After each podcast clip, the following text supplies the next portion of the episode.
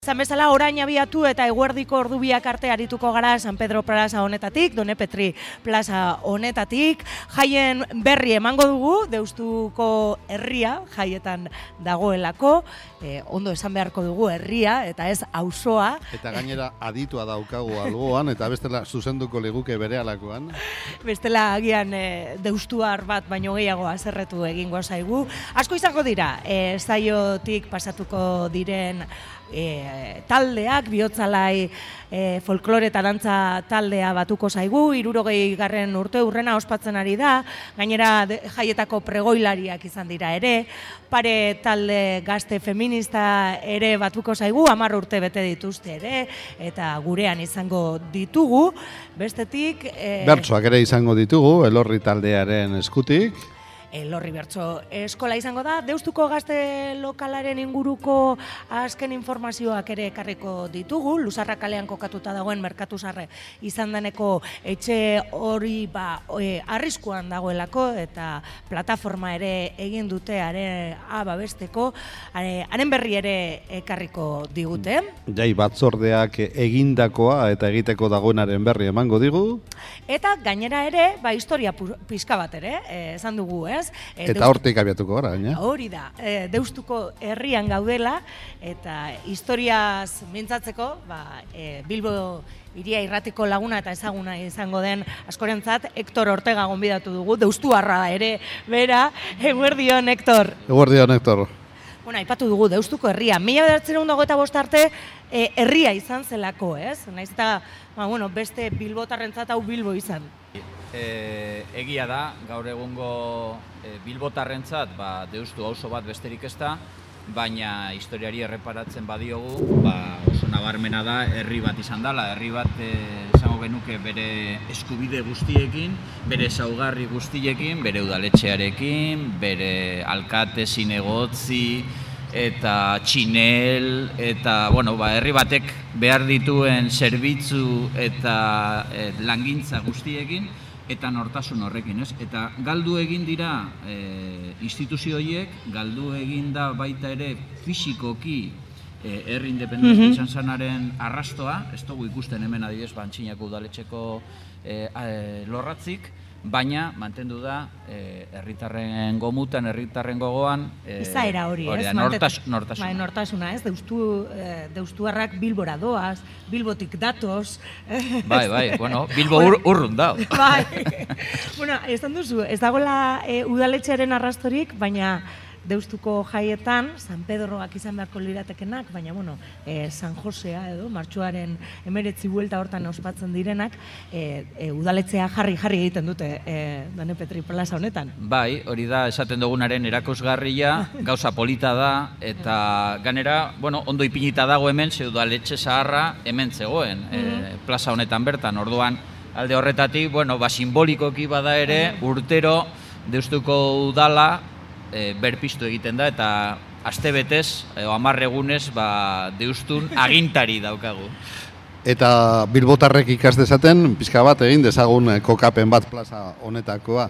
E, Done Petri plazan, hizkuntza eskola kokatuta dagoen lekuan, e, zertzegoen lehen, Hector?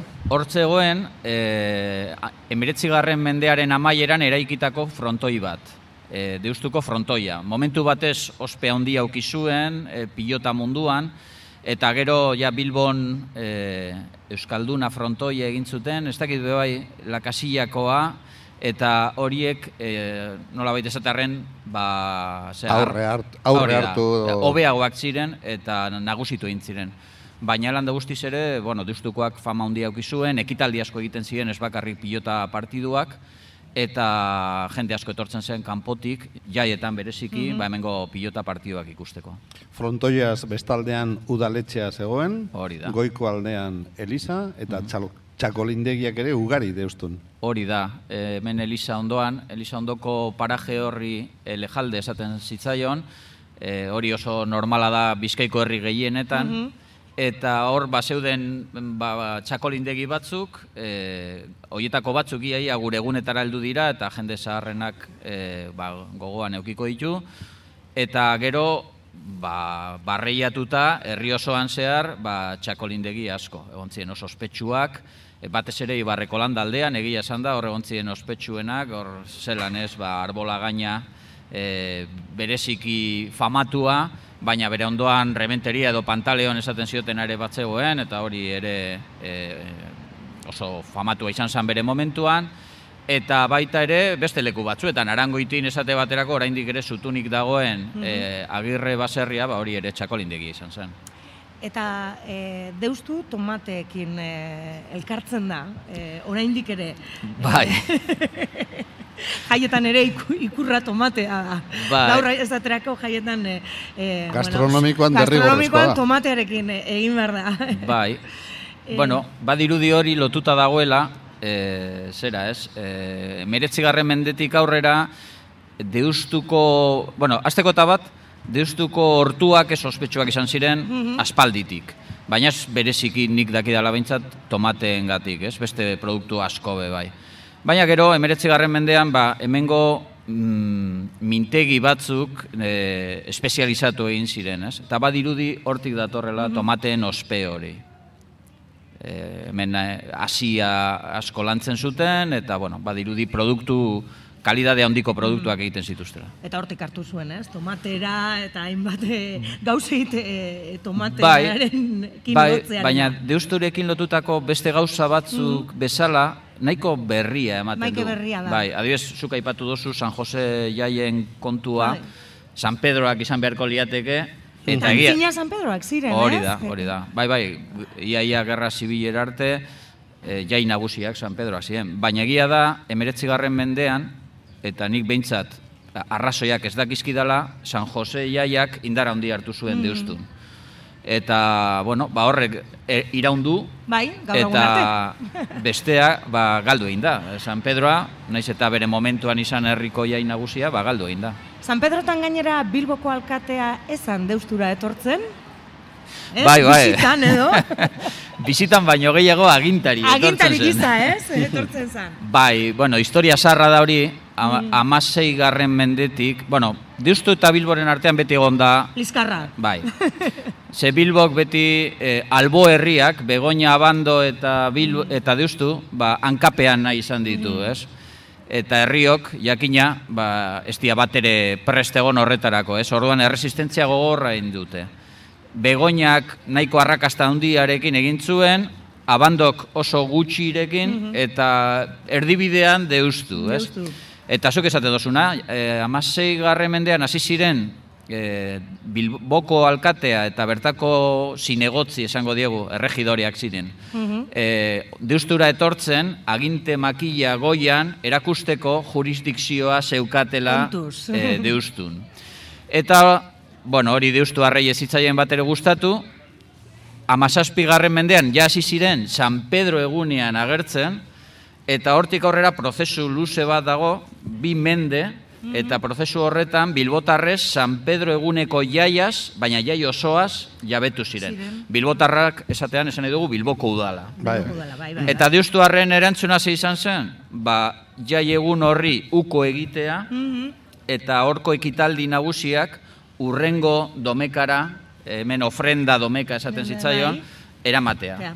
Eta hor egiten zen, ba, mm, deustuko jaiegun nagusia. eh, Eta besteari, momentu batzutan, kronikei sinistu behar badiegu, jaramonik ere ez. Mhm. Eta mila bederatzireun da hogeta bostean, nola izan zen anexioa Bilbora edo traumatikoa? Edo, Oso. Oso, ez?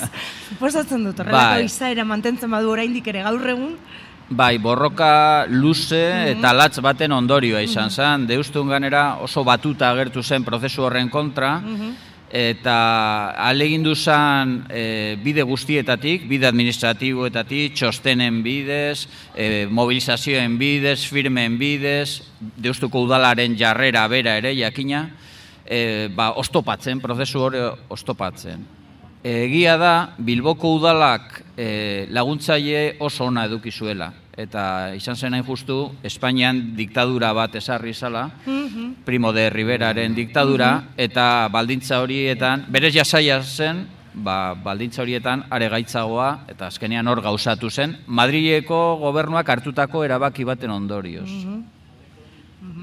Bueno. Deustuko herria sari gara, Hector, eta e, Deustu barruan, auzotzat hartzen dugun herri horretan, hainbat auzo daude, eta behar bada, ipatu beharko genituzke, eta baita mugak ere. Bai, noraino heltzen zen deustuko herria. Bai, uste jaietan mendimartza bat egin dutela Bai, bai, bai, eh. apurbe deustuko mugak ezagutzeko, ez? Astion uste dut izan dela. Bai, ba, beitu, e, alde batetik itxasadarra da e, herriko muga bat, Ibaiaz bestaldean e, abando eta barakaldo daude, eta gero beste aldetik salbeko zubia dagoen lekua, salbeko eremu hori, hortxe zegoen muga, hor... e, Abando eta Deustu artekoa. Begoña eta Deustu Begoña eta artean. Deustu artekoa. E, hori da. Gero Bilboko udalak Begoñako zati hori anexionatu zuen Aha. eta orduan ja Bilbo eta Deusturen arteko, osea, muga zan.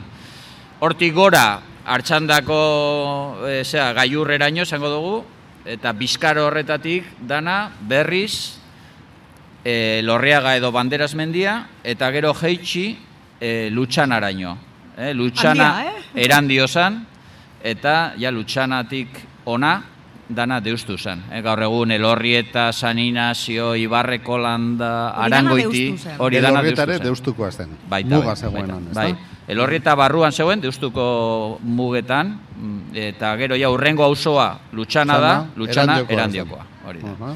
Gaur egun, ba, lehengo barrutia da Bai, bera, barrutia deitzen zen, deitzen Bai, dan hori. bai. Mhm. E, eta gainera, e, baserri eremua ere izan da deustu, ez? Ai- Aipatu duzun bezala. Elizatea beraz, ezta? Bai, Elizatea zan, badakizue e, Bizkaiko lege zaharrean herri mota bi zeuden, hiribilduak, et, e, hori Bilbo, da kasurik argiena, eta Elizateak. Elizateen ezaugarria zan, e, normalean oso sakabanatuta zeudela, ez? Hiribilduak, izena berak esaten du, batuta, Batuta, eh, bai. basazpikaleak. Hori eh, da. ba, Eta badiustuko kasuan, hemen alde batetik bazegoen baserri alde bat, baserri alde horri goierri esaten zitzaion, Bai, eta egia esan da, historikoki ba hori izan da deustuko eremurik zabalena. Ez, gehienak hemen baserriak izan dira. Oraintxe hemen gauden eremu honetan baserriak zeuden. Eta gero bazegoen beste alderdi bat, Ibai ondoan, amazortzi mendearen hasieran jaiosan e, auzo bat, Olabeaga edo gaur egun deustuko herribera esaten dioguna, eta hori kaia zan, hori portua zan. Bilbo, Bilbora etortzen ziren ontzirik handienak, ezin ziren heldu areatzaraino, Zaraino, ez zegoelako ur nahikorik, mhm. Bai. Eta orduan ontzi handi hoiek olabeagan gelditzen ziren. Eta orduan hor zeuden portuetako zerbitzu gehienak. Eh? Bai samaketa lanak egiteko, bai hornidurak emateko, ostatuak, eta ba. Bai. Astarnarik badago. Badaoz, gitxi batzuk, gero eta gutxiago zorionez, eh, zorionez, zoritxarrez, Bai.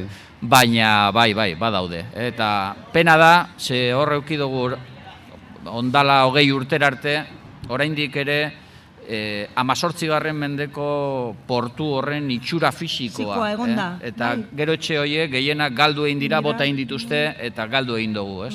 Berez igual etxe bakoitzak ez zuen aparteko baliorik, baina multzo osoa, Bai. ba, ba, ematen zigun hori, amazortzigarren mendeko portu baten itxura. Barkatu, Hector, e, olabeaga eh, esan duzu, eta zein alderi buruz ari zinen? Biei buruz? Biei buruz, bai.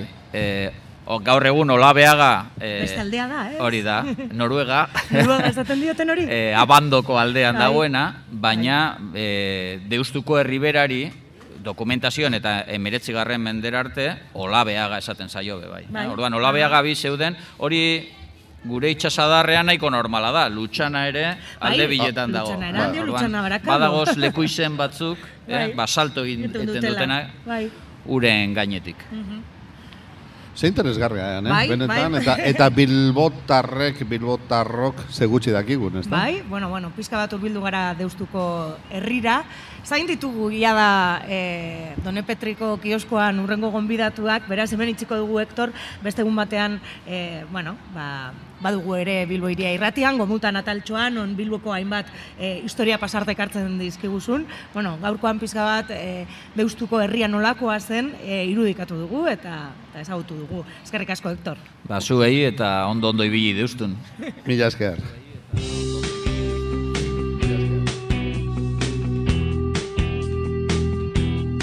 Bilbo irian, auzoak, erdigunean.